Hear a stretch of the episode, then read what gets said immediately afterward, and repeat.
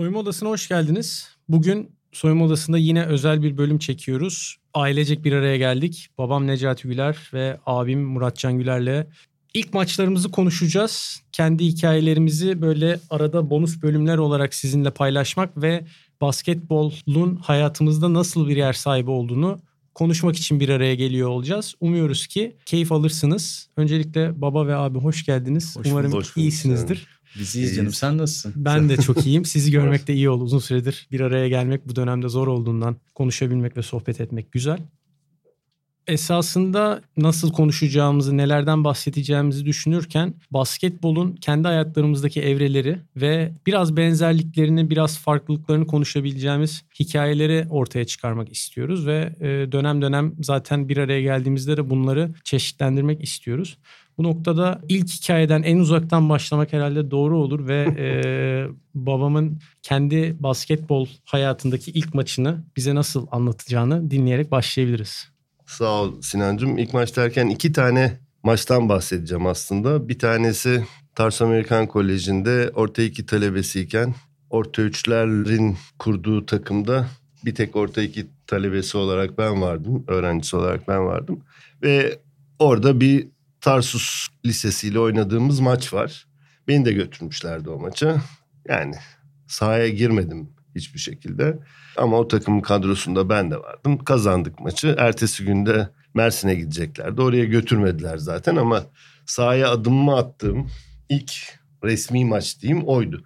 Fakat hayatımdaki tabii en önemli ilk maç Adana Demirspor'da oynamaya başladığım ve sezonun sonunda ikincilik şampiyonu olduğumuz sezonun ilk maçı. Benim de liglerdeki ilk maçım. 74'ün işte yanılmıyorsam Ekim'inde trenle Ankara'ya gittik ve Yenişehir'le oynayacağımız bir maçtı. Takımımızın o seneki antrenör oyuncusu Alaaddin abiydi. Alaaddin Atsal. Alaaddin abi hazırlık maçlarında da ondan önceki zamanlarda da hep soyunma odasında dört kişiyi sayar. Çünkü beşinci kendisidir. Maçta öyle başlardı. O gün de bayağı yorucu bir yolculuktan sonra 26 saatte trenle varabilmiştik Ankara'ya. Yolda kaza yapmıştı tren. Başka tren. Biz onu beklemek zorunda kaldıydık falan. Allah'tan maç pazardı. Biz cuma akşam yola çıkmıştık. Antrenman yapmadan Selim Sırrı Tarcan Spor Salonu'na gittik. Maç oradaydı. Ve Yenişehir'le oynayacağız. Sezonun ilk maçı. Soyunma odasında konuştuk ettik.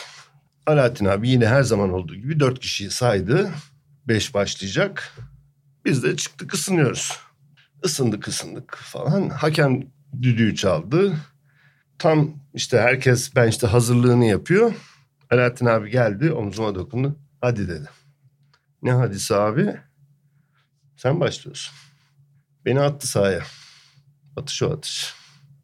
Alaaddin abi seni burada sahaya attığında daha sonra konuştunuz mu ettiniz mi bilmiyorum ama sence yani o anda mı karar veriyor yoksa daha öncesinde verilmiş bir karar mı peki? Bence daha önce vermişti.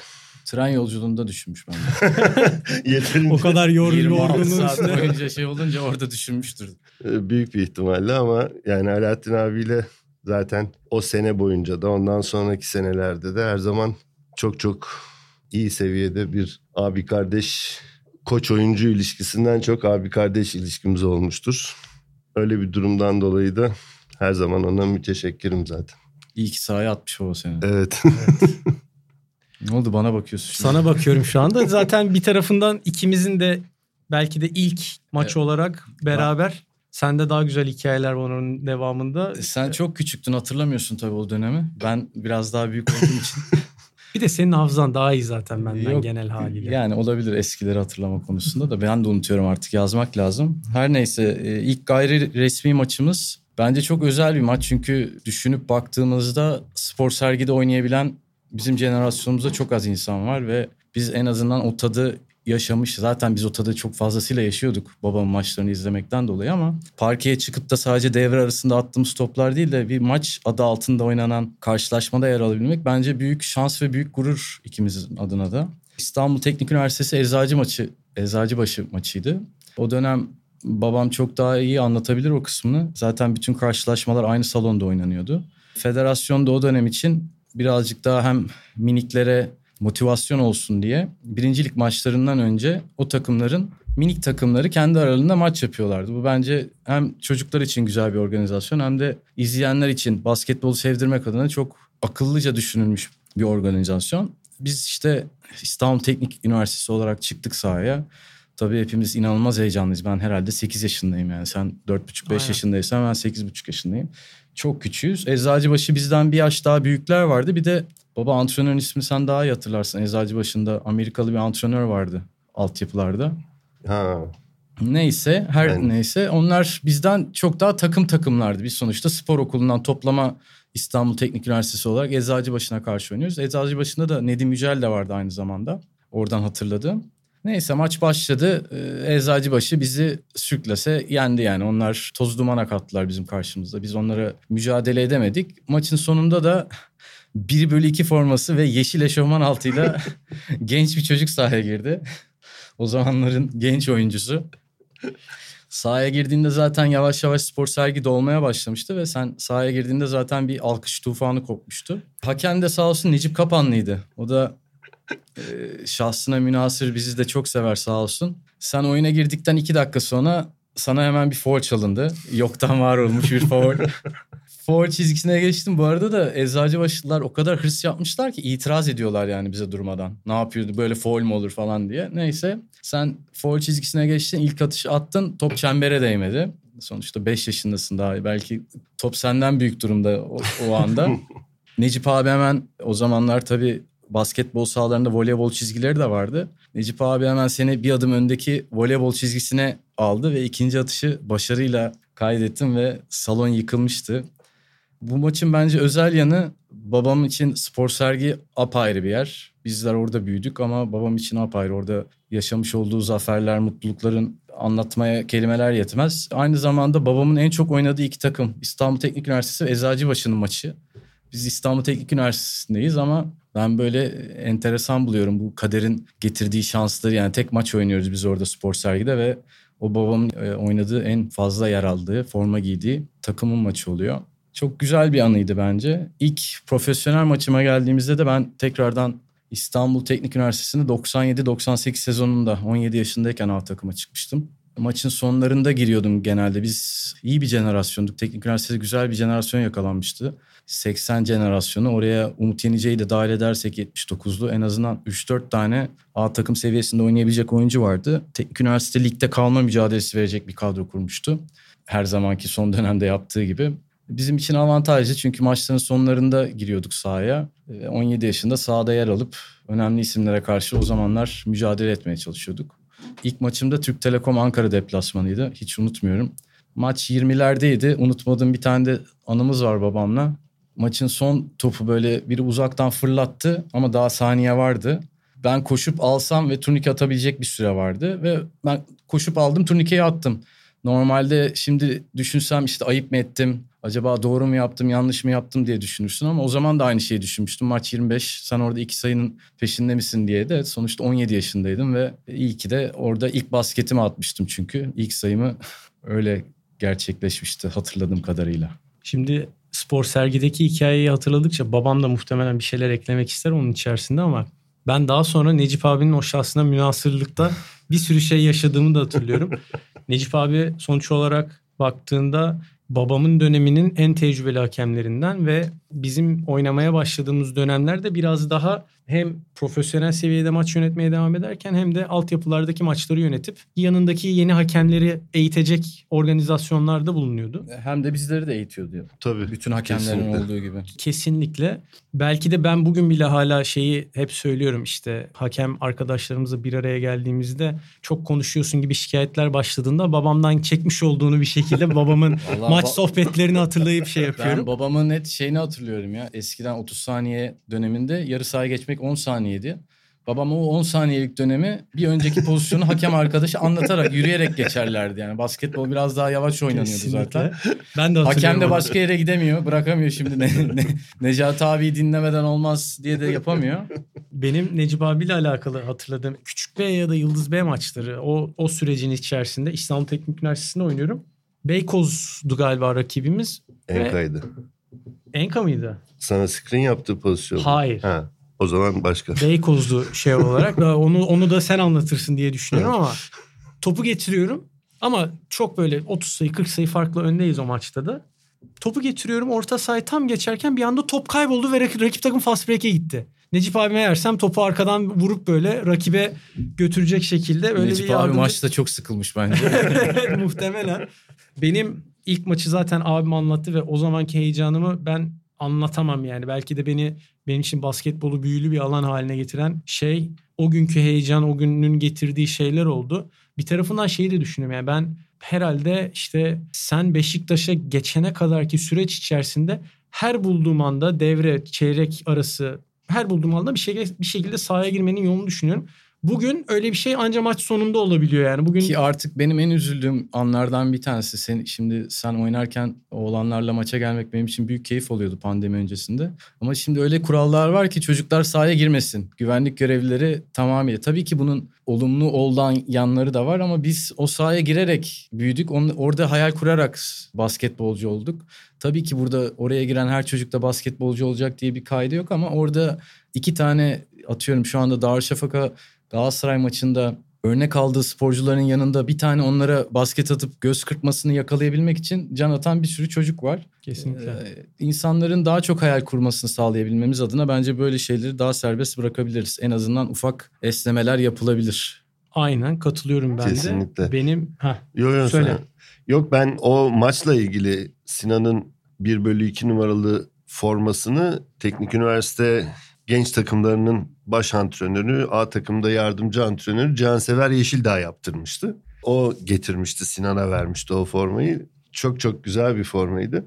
Ama biz de o gün maça hazırlanıyoruz. Yani aşağıda soyunma odasında konuşmalar bitmek üzere işte vakti bekliyoruz. Birdenbire yukarıdan böyle bir gürültü kopunca biz ne olduğunu şaşırdık yani. Biz bizim maçla ilgili olarak hiç öyle bir şey beklemiyoruz. Yani seyirci de fazla geleceğini tahmin etmiyoruz. Ama sonra öğrendiğimizde olayın Sinan'ın sahaya Sinan Güler gol attı. şeklinde olması bayağı enteresan oldu. Necip abiyle ilgili olarak da bir de bir Enka maçı vardı. Cafer Ağa'da oynanan yine aynı şekilde. Sinanlar teknik üniversite olarak Enka çocuklara baskılı müdafaa yapıyorlar falan. En sonunda baskı yaparken fark çok olunca Necip abi yine oyuna müdahale ettiydi. Gitti Sinan'a screen koydu. Çocuk Sinan'ın yanından geçtiydi. Sinan baktı böyle sinirli bir şekilde. hiç Sen- sinirlenmem lütfen. o dönemler daha çok sinirleniyordun. Seni hatırlamazlar şimdi. O dönemler çok daha fazla kızıp sinirleniyordun. Ondan Fazlasıyla. sonra öyle bir anı olmuştu. Bayağı güldüğümüz, eğlendiğimiz bir dönemdi. Yani ben zaten o dönemki daha sonraki bölümlerde kesin geleceğiz. Yani benim sinirimle alakalı olan kısım ve bana yaşattırdıkları onun kendi salaklıklarım demek daha kolay olur diye düşünüyorum. Kariyerim çocukluğumda yaptığım şeylerin içerisinde. Ama şöyle düşün sen şimdi oradaki sinir ve agresivitenden dolayı tecrübe etmişsin. Ve ondan sonra da Türkiye'de Fair Play ödülü kazandın. Normalde yani altyapı maçlarını izleyip de sonraki o kareyi Fenerbahçe Galatasaray zamanındaki o kareyi hatırlarsak Tabii. e, gelişimin inanılmaz hakikaten. Çünkü burada sıkı yumruktan geldiğin dönemden bahsediyoruz yani. Ya benim için aslında o, o şey gibi geliyor. Bir tarafından baktığında agresyon ve haksızlığın içerisinde yaşadığım şeyi biz çocukluğumuzda da sağ dışında da çok yaşadık. Oynadığımız spor maçlarında sahayı terk etmelerim ve maçtan atılmalarım yani kendi aramızda oynadığımız maçtan nasıl atılmayı beceriyorsam bir şekilde atılıyormuşum işte. Ama dediğin gibi yani belli bir noktadan sonra da sporun içerisinde o centilmenliği bir şekilde devam ettirme çabası bir yerinde şey oldu benim için hep önemli oldu. Hep söylemeye çalışıyorum ben bence ülkemizdeki en büyük sıkıntı spor karşılaşmaları özelinde değil herhangi bir yerde kaybetmeyi bilmiyoruz. Bu da bir süreç. Bunu spor aslında insanlara en güzel şekilde öğretebilecek bir olay, bir organizasyon. Zaten dünyada da sporun herkes profesyonel sporcu olsun, herkes e, milli basketbolcu, futbolcu olsun diye değil, insanlara bazı şeyleri öğretebilmek adına yapılmış organizasyonlar olduğunu düşünüyorum. Sporun en güzel tarafı da işte sana da senin ne kadar agresif olduğunu en yakın bizler biliyoruz. Küçüklüğünde kaybedebilmeyi öğretti. Çünkü kaybettikten sonra bir daha bir maç daha var. O maçta ne olacak? Bir sezon bittikten sonra öbür sezon var. Durmadan hayat devam ediyor ve işte yerde kalmamak, hep mental toughness'ı sağlam tutabilmek. Bunların yanında da adil ve terbiyeli olabilmek. Çünkü her zaman hepimiz kazanmayı hak etmiyoruz. Bazen bazı insanlar senden daha fazla çalışmış oluyorlar. Daha iyi bir takım oluyorlar. Ve bu şartlar altında inşallah bir gün ülkemizde bunları öğretebileceğiz ya da öğrenecekler, öğreneceğiz. Çok haklısın. Yani kesinlikle katılıyorum Muratcan. E, çok güzel bir şekilde de değindin. Çünkü bugün altyapı dediğin olay da aslında eğitimin bir parçası. Yani bugün biz onları da şu anda ona girmek istemiyorum. O konuyu belki başka bir gün başka bir şekilde tartışırız ama tamamıyla oralarda asıl eğitim kısmı var. Yani basketbolun da eğitimin, hayatın da eğitimi, genel olarak eğitimin parçası. Sonra profesyonel seviyede oynadığın zaman işe dönüşüyor. Aynen o öyle. bambaşka bir konu. Ama işte insan olarak, sporcu olarak da biz gelişimimizi işimizde nasıl yaptığımız zamana göre de geliştiriyoruz. Orada nasıl davrandığımızda belki küçüklüğümüzde yaptığımız o agresif hareketleri geliştirerek kendimizi de eğiterek iş hayatına farklı bir şekilde taşıyabiliyoruz. Dediğin gibi bunu öğrenebilmek de mesele. İnşallah öğreneceğiz bir gün Türkiye'de. Belki öğretebilmek de mesele aslında. Evet, Doğru tabii Şu ki. anda bence ben de onu söyleyecektim. Doğru örneklerin de olması. Çünkü artık dünya öyle bir popülizme geldi ki taraftarsan ya da bir takım için gerçekten mücadele etmenin yanı öbür takımı ezmekle algılanıyor. Halbuki bu böyle değil. Biz sonuçta her zaman için en büyük artımız ve şansımız tabii ki babam gibi bir örnek var. Tamam hakemlerle çok konuşuyordu ayrı bir hikaye de o basketbolun son döneminde çok konuşuyormuş. Ama saha içindeki davranışları, insanlarla olan iletişimi, bütün sporcular ve altyapıdakiler insanlara örnek olması gereken bir insanla biz beraber büyüdük. Sana da hep aile tarafından agresifliğinin sonucunda o gösterildi diye düşünüyorum. Ben bu arada yani bu konu gerçekten farklı dallardan uzun bir şekilde konuşabileceğimiz hallere gelebilir ki ben eminim ki bunları bir şekilde notunu alıp ilerleyen konuşmalarda da daha derinleştireceğimizi düşünüyorum. Bu noktada yani böyle ufak bir ara vermeden önce kendimizce kendi ilk profesyonel maçımı bahsetmek evet güzel olur. konulardan nereye geldi Evet. lütfen. Sen Ay. nerede ilk maçına Ben çıkmıştın? ilk maçı ilk defa böyle bir profesyonel takımla maça çıkışım aslında Beşiktaş'ta genç takımda oynarken aynı zamanda işte okuldan çıktığımızda A takım idmanlarına girer miyiz diye koşa koşa biz salona gelirdik. Sen de Beşiktaş'ta A takımda oynuyordun o sırada.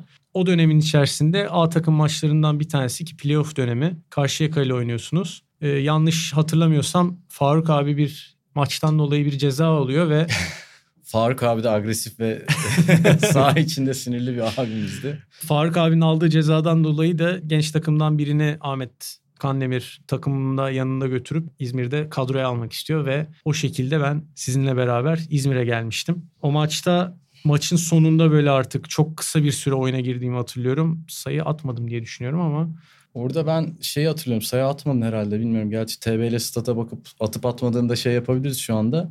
Normalde o dönem playofflarda ligdeki iki maçı kazanan 1-0 önde başlıyordu. Beşiktaş olarak biz 1-0 öndeydik ama Karşıyaka'da o dönem para problemleri çok sık olurdu. Sezon sonunda yabancılar gitmişti. Bir tek Stelmares kalmıştı galiba yanlış hatırlamıyorsam. Türk oyunculardan da mesela Burak Gacemer vardı. Güven Esver vardı, Barış vardı. Cenk abi vardı o takımda. Böyle- Kaya da hala o takımdaydı değil mi? Kaya o takımda değildi diye hatırlıyorum. Tam emin değilim. Değildi. İşaret geldi de burada pardon. Doğru hatırlıyormuşum. Her neyse e, biz Süleyman Seba'daki ilk maçı kaybettik. Hiç kimsenin beklemediği bir şekilde. Çünkü Karşıyaka zaten sezonu bitirmiş gözüyle bakılıyordu. 1-1 oldu. Ama ondan sonra e, gittik İzmir'de Alsancak'ta yendik. Sen orada ilk Aynen. sahaya çıkmıştın. 2-1 oldu. Ondan sonra da İstanbul'da 3-1 yapıp seriyi tamamlamıştık. Turu geçmiştik. Aynen öyle. Aslında yani benim kendi profesyonel kariyerime baktığımda ilk maçım ve Daçka'da aslında takıma giriş sürecim biraz daha farklıydı. Ee, Amerika'dan yeni dönmüştüm. Hatta biraz da yaz okulu vesaireler geç dönmüştüm. İşte Galatasaray'la konuşuyordum, Beykoz'la konuşuyordum. Galatasaray'da antrenmanlara gidiyordum. En son şeyi hatırlıyorum. Murat Özer Galatasaray'ın antrenörüydü. Evet. Ya gelsin iyi çocuk ama takımda yer yok. Altyapıdan oyuncu oynatmak zorunda olduğu bir dönem vardı kurallar gereği. O yüzden 13. adam olur. Nasıl memnun olur falan bilemiyorum. Galatasaray'da şöyle ilgi çekiyordu o zaman. Tufan o takımdaydı. Murat Kaya o takımdaydı. Hep beraber yakın olduğumuz insanlardı. Biraz daha böyle adapte olmamda yardımcı olur diye düşünüyordum ama Ama bence sen en doğru kararı verdin Darüşşafaka'ya giderek. Darüşşafaka'ya da geldiğimde hatta bu dönemde de bile yeniden bana hatırlattıkları hikayeler var. Altar abi çok bastırıyordu beni Dar- Darüşşafaka'ya alabilmek için ve sezonun başlamasına böyle bir hafta kala beni yönetimle tanıştırabilmek adına oyuncu olarak bir özel hazırlık maçı organize etmişlerdi ve o maçtan dolayı karar verilip takımda yer almamı sağladılar. İlk maçımda Mutlu Akü Selçuk'la imiş. Onu da demin e, bakma fırsatı bulduk. Ama maçı çok net hatırlıyorum şey olarak çünkü Hani ne yaparım ne ederim bilmeden yanlış hatırlamıyorsam 9 sayı atıyorum ve böyle maçın bir kritik noktasında iki tane üstü soktuğum üçlük var. Onu biraz hatırladım ismi ve maçın gidişatını şey yapınca. Daha sonrasında da ilk deplasmanda hatta senin Telekom'da oynadığın sezonu Telekom'da karşılıklı oynuyoruz. İlk karşılıklı maçımız benim için. Ben şeyi daha çok hatırlıyorum ama İstanbul'daki Ben de Ayhan Şahenk'i daha çok hatırlıyorum. Mesela. İstanbul'daki maç daha çok hatırımda. Oyuna girdiğimde böyle abimin böyle direkt gözümün önüne geliyor. Buradan gideceğiz. Bak hücumu kendi kendine bana anlatmaya çalıştığını veya Ya savunmada hep böyle diyorlar hep yardımlar ya. yardımlar. Büyük büyük büyük kardeş olmanın problemleri bunlar işte. Bir noktada da oradaki işte gidişatın içerisinde zaten ben hep bahsediyorum yani sizin profesyonel kariyerlerinizde yaşadıklarınız ve iyisiyle kötüsüyle gördüğünüz her tecrübe bana tecrübe olarak geldi ve böyle bana sanki böyle önden hard disk verip biraz incele bak neler olacak şeklinde bir ortam yarattı. Özellikle senin profesyonel kariyerinde abi böyle bir ortamı yakalamak güzel fırsat oldu bana. Genel anlamıyla ilk maçlarımız bunlar bizim. İstanbul'daki ilk maçta da biz Tarsus ve Boğaziçi ekibi olarak bir 20-25 kişi gelmiştik. Kalabalık Sizin bir tribün vardı o maçta yani. Onu şey olarak hatırlıyorum. Öyle bir geldiydik. Herkes o maçta o sahada olmak istiyordu. Benim bütün arkadaş grubum. O bakımdan bayağı eğlenceliydi. Zaten demin de senle konuştuk. Bir tane maç kaçırmış ikimizin beraber oynadığı. Bütün benim kariyerim boyunca diyeyim senin öncesinde yani karşılıklı oynadığımız dönem içerisinde. Hem bir maç kaçırmışsın hem de şey yani sen ve e, okul arkadaşların gerçekten orada bizi e, bolcana destekledi her zaman da yanımızda oldu. Onlara da buradan tekrardan selamlar. Genel anlamıyla ilk maçlarımız bunlardı. Türk basketbolunda artık oyundan çok oyuncuya konsantre olmamız lazım. Bu konu Türkiye'nin en önemli konusu bu. Türkiye'de koçlara kalırsa, yalnız koçlara kalırsa çok iyi oyuncu yetiştiremeyiz. Çünkü onlar maç kazanmak telaşındalar, haklılar da. Oyuncu kazanmak şeyi, sorumlu muhakkak surette asistan koçları olmalı. Türk basketbolu asistan koçlarının başarısında ilgili başarısı. Yani bireysel oyuncu yetiştirmek. Tabii geliştirme yani Türkiye'de oyuncu yetiştiriyoruz ama oyuncuyu geliştiremiyoruz. Bir yere kadar geliyorlar, bir yerden sonra orada tıkanıyorlar. Oyuncu geliştirmenin tek çaresi fundamental. Bizde fundamental dediğin zaman çocuklar, oyuncular bir yere kadar e, buna ilgi gösteriyorlar. Bir yerden sonra ben artık o okulu bitirdim, fundamental üniversitesinde bitirdim. Artık fundamental'dan bana bahsetmeyin diyorlar işlerinden. Bugünkü sohbetin içerisinde bu hafta aramızdan ayrılan Yalçın abiyi biraz konuşmak ve anmak ben uygun olacağını düşünüyorum. Hepimizden farklı farklı hikayeler geleceğine eminim. Hem basketbol, Türk basketbolu için yaptıkları, Türk sporundaki örnek duruşu, örnek kişiliği ve sporcu olarak oynadığı dönemde bile oyunun her alanında farklı şeyler katmaya çalışan bir insandı. Ve bugün baktığımda yani benim jenerasyonuma %100 dokundu. Baba biliyorum senin jenerasyonuna da dokundu ama bir tarafından bizden küçük jenerasyonlara bile dokunacak sözleri, yaklaşımı ve emeği olan bir kişiydi. O yüzden tekrardan hem Granit ailesine hem de basketbol camiasına başsağlığı dileklerimizi iletiyoruz buradan. Ve yine belki de sözü direkt sana atarak başlamak doğru olacak baba. Evet. Allah rahmet eylesin. Nur içinde yatsın. Dediğin gibi hem Granit ailesinin hem de bütün basketbol camiasının başı sağ olsun. Yalçın abiyle şimdi bir hesap yaptım buraya gelirken. Yalçın abiyle benim tanışışım aşağı yukarı bir iki hafta eksiği fazlası 45 sene. Tam 45 sene olmuş. İşte 75'te Tarsus Amerikan Koleji'ni bitirip Boğaziçi Üniversitesi'ne gelip Fenerbahçe'de oynamaya başladığım zaman Ekim 1975. 45 sene. Yalçın abi basketbolu bırakmıştı. Milliyet gazetesinde basketbol yazıları yazıyordu. Aslında gazetelerde basketbol yazıları panoramanın dışında da özellikle Yalçın abi vasıtasıyla bayağı yer alan bir dönemdi. Ve hepimizin her hafta büyük bir merakla beklediği yazıydı o. Yani Yalçın abi bu hafta ne yazmış? Ligin ikinci veya üçüncü haftası bana ayırdığı bir yazısı var. Benim hayatımdaki en önemli şeylerden bir tanesi.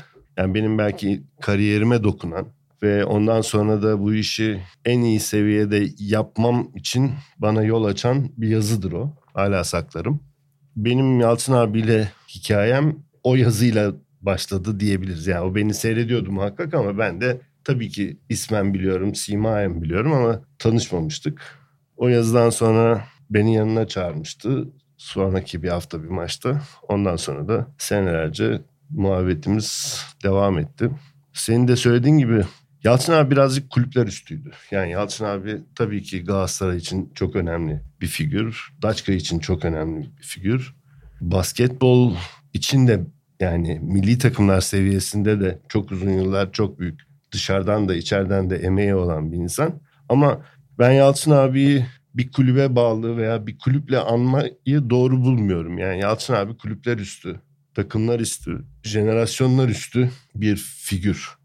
Yani senin de dediğin gibi yani yalnız sizin jenerasyona, yalnız bizim jenerasyona değil bugün Selim'i de seyretme fırsatı olsa onların jenerasyona da bir takım şeyler verecek bir yapısı, bir bilgi dağarcığı olan bir bir basketbol Bas- sevgisi var. Yani bence Müthiş. her şeyden öte. Ya yani bugün şey de var. Yani Yalçın abi günün herhangi bir saatinde herhangi bir gün arayıp hangi kanalda hangi maçın olduğunu sorar.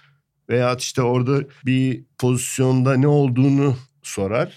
Son ziyaretimizde de zaten fotoğrafını paylaştık. Orada A milli takım Çin'deki dünya şampiyonası öncesinde hazırlık maçları oynayacaktı. Yatağında klavyesi karşısında ekranı hazır bir şekilde bekliyordu ve Sinan'a da ilk olarak yani girer girmez şu kanalı ayarla da dedi YouTube kanalını. şu kanalı ayarla da ondan sonra muhabbet edelim maçı kaçırmayalım. Yani her zaman önceliği sadece basketboldu.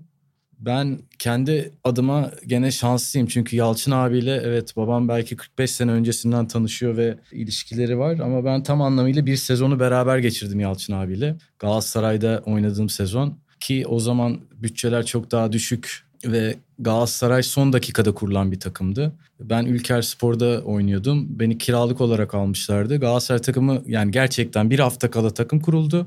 Ve o takım ligi üçüncü bitirip playoff yarı finali oynamıştı. Bizim için muhteşem bir sezondu. Burada tabii ki oyuncular, Erman abi hepsi herkesin çok ayrı değeri var ama Yalçın abinin değeri yatsınamaz. Bizim inanılmaz çok anımız var. Benim hiç unutamadığım Fenerbahçe ile oynayacaktık. O zamanlar da ev telefonları hala daha aktif. Cep telefonlarına bu kadar hızlı geçiş olmamış. Odamda telefon var. Ve o telefon numarasını kimse bilmiyor normal şartlarda. Yani annem, babam, kardeşim biliyor. Kimsenin bilmediği bir numara. Bir de kız arkadaşım biliyor yani. Başka kimse bilmiyor. İşte maçın olduğu sabah cumartesi veya pazar sabahı tam hatırlamıyorum. Maç atıyorum akşam 7'de. Sabah 8'de telefonum çaldı ve uyandırıldım. Ve telefonda Yalçın abi bugün Galatasaray basketbolunu kurtarıyoruz hazır mısın? Diyerek beni sabah 8'de uyandırıp akşamki Fenerbahçe'ne motive ediyordu. Çok özel bir insandı her zaman için. Sahaya direkt girerdi mesela. Florya'da idman yapıyoruz. Salona koşarak girerdi ve yeter artık bu kadar laboratuvar işi yaptığınız idmanla mesela driller yapıyoruz. O onları pek sevmezdi. Erman abi de bu yüzden aslında ona sinirleniyordu ve hatta ona bazı idman saatlerini yanlış veriyorduk. Çünkü Yalçın abi ne zaman girerse girsin idmanda bizim 5'e 5 oynama zorunluluğumuz var. Sevdiği oyuncuları ve sevdiği yardımcı antrenörü beni çok severdi. Ben hep onun takımındaydım. ve daha az sevdiği diyelim ve daha az sevdiği yardımcı antrenörü de diğer takıma koyar. Hadi 5'e 5 maç yapın da Galatasaray'ın basketbolunu kurtaracağız derdi. Erman abi tabii antrenör olduğu için idman yapamamaktan yakınır.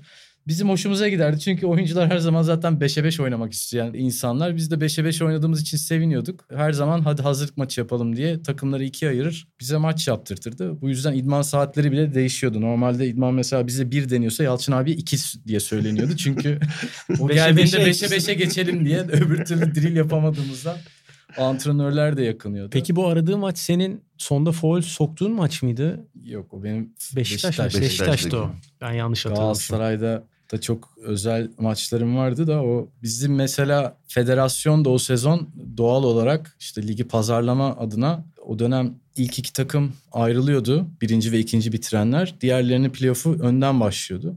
Biz de Galatasaray ve Fenerbahçe çeyrek finalde eşleşmiştik. Ben hatta şimdi hatırladım onu. Ee, Sen- Amerika'dan döndüğüm sen sene Amerika'dan yani dönmüşsün. yaz, yaz tatili için döndüğümde maça gelmiştim direkt hatırladım. Hmm. Orada inanılmaz bir atmosferdi. Çünkü biz gene iki taraftarın da aynı salonda maç izleyebildiği dönemde gerçi pek beraber ol- olamıyorlardı ama Fenerbahçe ve Galatasaray taraftarları Abdi İpekçi ortadan ikiye bölünüyordu. Yarısı Fenerbahçe, yarısı Galatasaray ve inanılmaz güzel anların olduğu müthiş bir playoff serisi vardı. Güzel sezondu. Biz o turu da geçmiştik. Sonunda da yarı finale kalıp Efes'e elenmiştik galiba Galatasaray'dayken. Ama Yalçın abi oradaki baş karakterdir. O sezonun başarılı geçmesinde de her daim sadece basketbolu düşünüp basketbol için yaşayan bir insandı. Allah rahmet eylesin. Allah rahmet eylesin. evet. Yalçın abiyle yani geçmişiniz ve belki de hikayeniz benden daha uzun kesinlikle. Benim basketbolda yer sahibi olmaya başladığım dönemde Yalçın abi biraz daha uzaktan izlemeye ve daha az konuya dahil olduğu dönemler diyebilirim. Her zaman izlerdi ne, ne olursa olsun bir şekilde milli maçlar işte Ayhan Şahink'teki maçlar her zaman kendi yerinde oturacağı belliydi. Ve onunla ilgili farklı hikayelerde benzer sonuçları görmek çok acayip.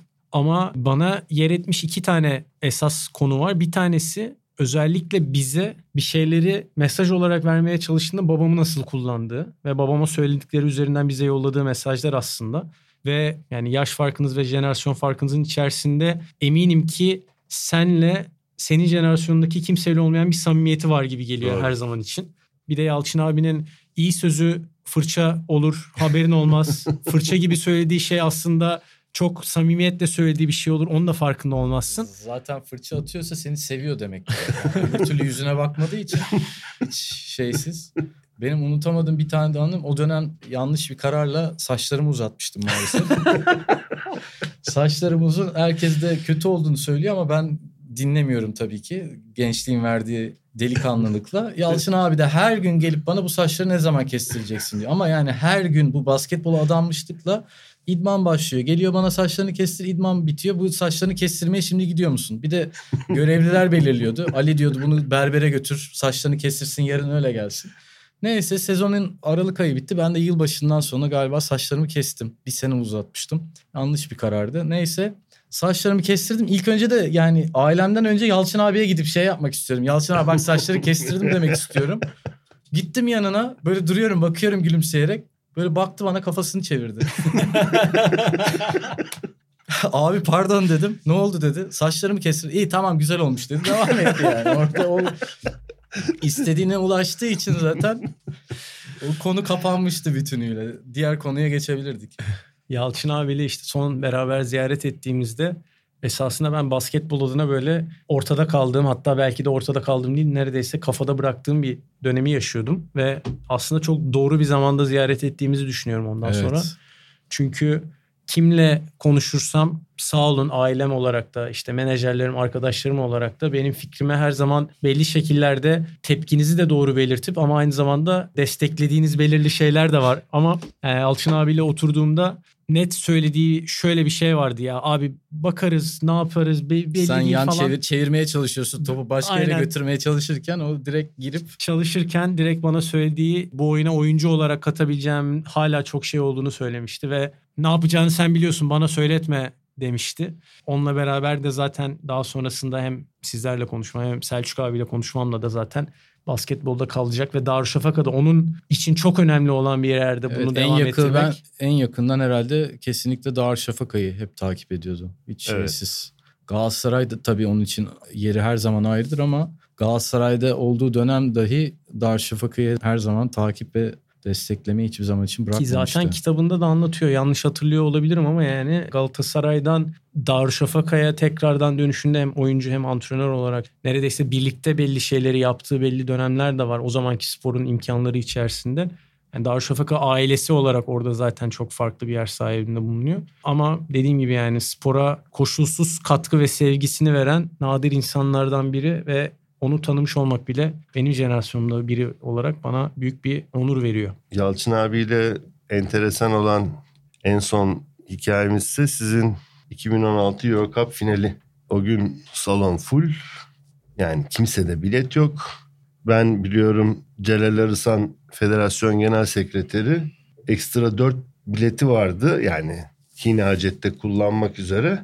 onu da o gün Cumhurbaşkanlığı Genel Sekreterliğinden istediler falan. Öyle bir durum var yanlış hatırlamıyorsam. Celal de onları verdi. Ortada bilet falan yok. Yalçın abi geldi. E, salona girdi. Kimse Yalçın abiye giremezsin edemezsin demiyor yani. Zaten öyle bir yani terbiyesizlik yapan da yok ama Yalçın abinin oturacak yeri yok. Yalçın abi benim yerime oturdu. Ben maçı ayakta izledim ama yani bu benim için çok özel bir an yani ayakta izlemek meselesi değil ama Yalçın abi o gün orada beraber izlemeyi tabii ki isterdim ama birimizin oturması senin, gerekiyordu. Senin Apti'de izleyemediğin maç sayısı galiba izlediğinden fazla olabilir. Ben şimdi böyle hikayeleri duymaya başladıkça bir de hep anlattığım ve Türkiye'deki sporun aslında gidebileceği yolla alakalı da önemli dersler içeren bir Efes Pilsen Aris maçı var her zaman bahsettiğin. Evet, evet. Ee, o aklıma geldi sen bunu söylediğinde. 2016 Eurocup final maçı ve Strasbourg'a karşı oynadığımız atmosfer benim parçası olduğum rakip ya da normal kendi sahamızda olan tahmin edemeyeceğim güzellikte bir Müthiş atmosferdi. bir O yüzden o maçın da parçası olduğunu bu şekilde bilmek çok ayrı özel. Ee, Orada şunu söylemek istiyorum. Muhakkak sen oyuncu olarak yaşadığın duygular tarif edilemez kupayı kaldırma anı. Babamın benim işte kardeşim ve oğlumuzun Avrupa Kupası'nı kazanıyor olması inanılmaz bir şey ama Yalçın abinin de bence oradaki mutluluğu gene tarif edilemez. Çünkü o herhalde yani 20 yaşından beri hayalini kurduğu şey Kesinlikle. Galatasaray forması aldığı altında gerçeğe dönüşüyor ve o anı kaçırmıyor olması o yaşına rağmen e, o atmosfere girip o anı yaşaması e, muhteşem tabii. Kesinlikle. O güzel bir anıydı. Duygulanarak geldiğimiz bu noktada belki de programı tamamlamak çok da yerinde olur. Öncelikle dinleyen herkese şimdiden teşekkürler. Ardından abi ve baba size teşekkür ediyorum. Bunu Biz teşekkür ederiz. Ee, bir süredir gene yapmaya çalışıyorduk. Hem Covid-19 sebebiyle hem de kendi programlarımızdan dolayı denk getirememek şey oldu. Ama umuyorum ki sizlere hem gördüğünüz gibi kendi basketbol kariyerlerimizden belirli hikayeleri hem de aslına bakarsanız Türk sporunun hikayelerini paylaşabileceğimiz ortamları daha sık yapabiliriz. Dinlediğiniz için tekrardan teşekkürler. Görüşmek üzere. Görüşürüz. Görüşürüz. iyi günler.